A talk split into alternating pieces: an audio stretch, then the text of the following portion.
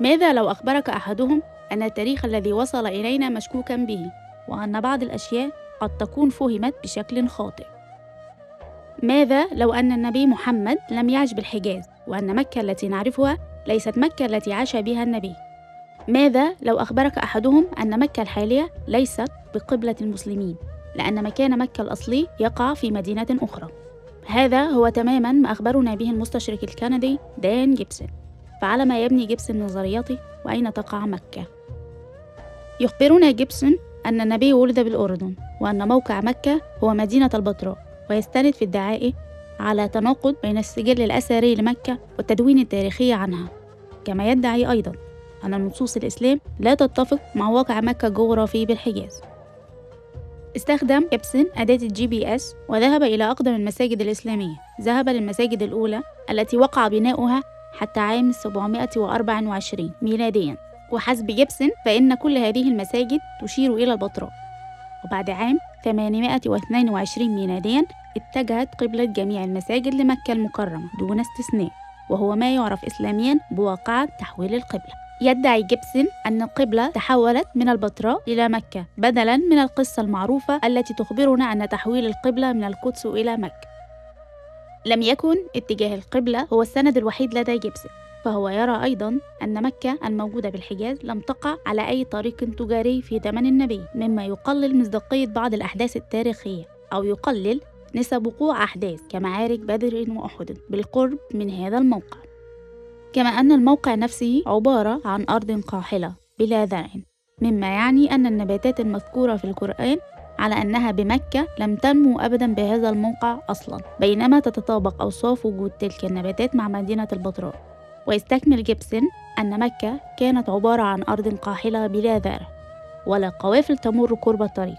فكيف تكون مثل تلك المدينة مركزا تجاريا؟ وكيف تكون أم القرى أصلا؟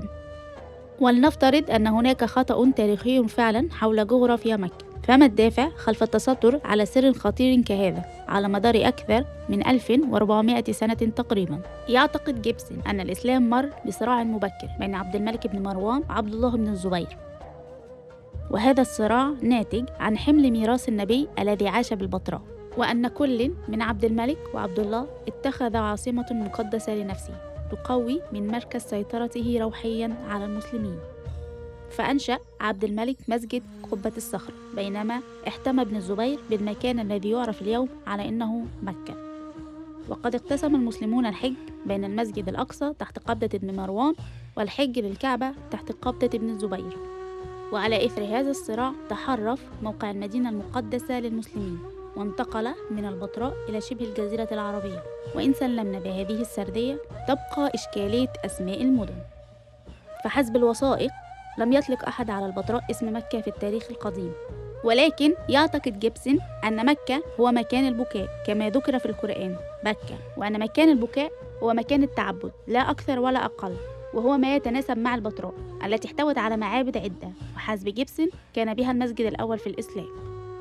فإذا كان هناك دافع سياسي وتستر تاريخي فهل تتطابق مواصفات البتراء مع مكة المذكورة في تاريخ الإسلام؟ يرى جيبسون أن الكشوفات الأثرية في المملكة العربية السعودية لم تكشف أبدا عن بقايا وأطلال مكة القديمة مكة التي عاش بها النبي ونشر بها دعوته يفترض أن هذه المدينة مصورة وتمثل تجمعا سكنيا كبيرا كما يوجد بها زراعة ونباتات عديدة بخلاف أنها تمثل طريق مرور لقوافل التجارة يرى جيبسون أن كل هذا غير موجود بأراضي مكة المعروفة لنا اليوم مع أن كل هذا يتوافر جدا في البتراء التي تعرف بالحدائق العامة والخاصة والمياه الجارية عبر القنوات والأنابيب.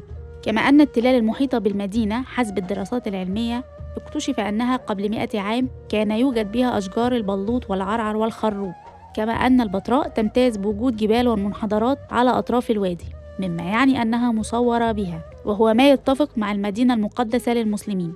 وفوق كل هذا يوجد بالبتراء معابد للعزة وذي الشرف وهو ما يتفق مع الأوصاف التاريخية للمدينة المقدسة في الإسلام.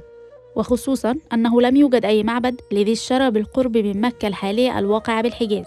إذا تطابقت مواصفات البتراء مع المدينة المقدسة للمسلمين فهذا يعني أن الكعبة توجد بها. فهل توجد الكعبة بالبتراء؟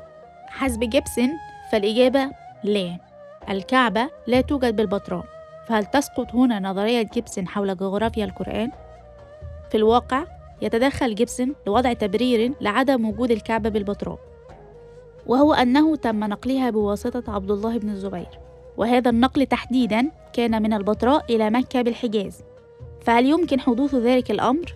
هل يوجد شخص ما في التاريخ الإسلامي قادر على نقل الرمز الأكثر قداسة وتغيير موضعه؟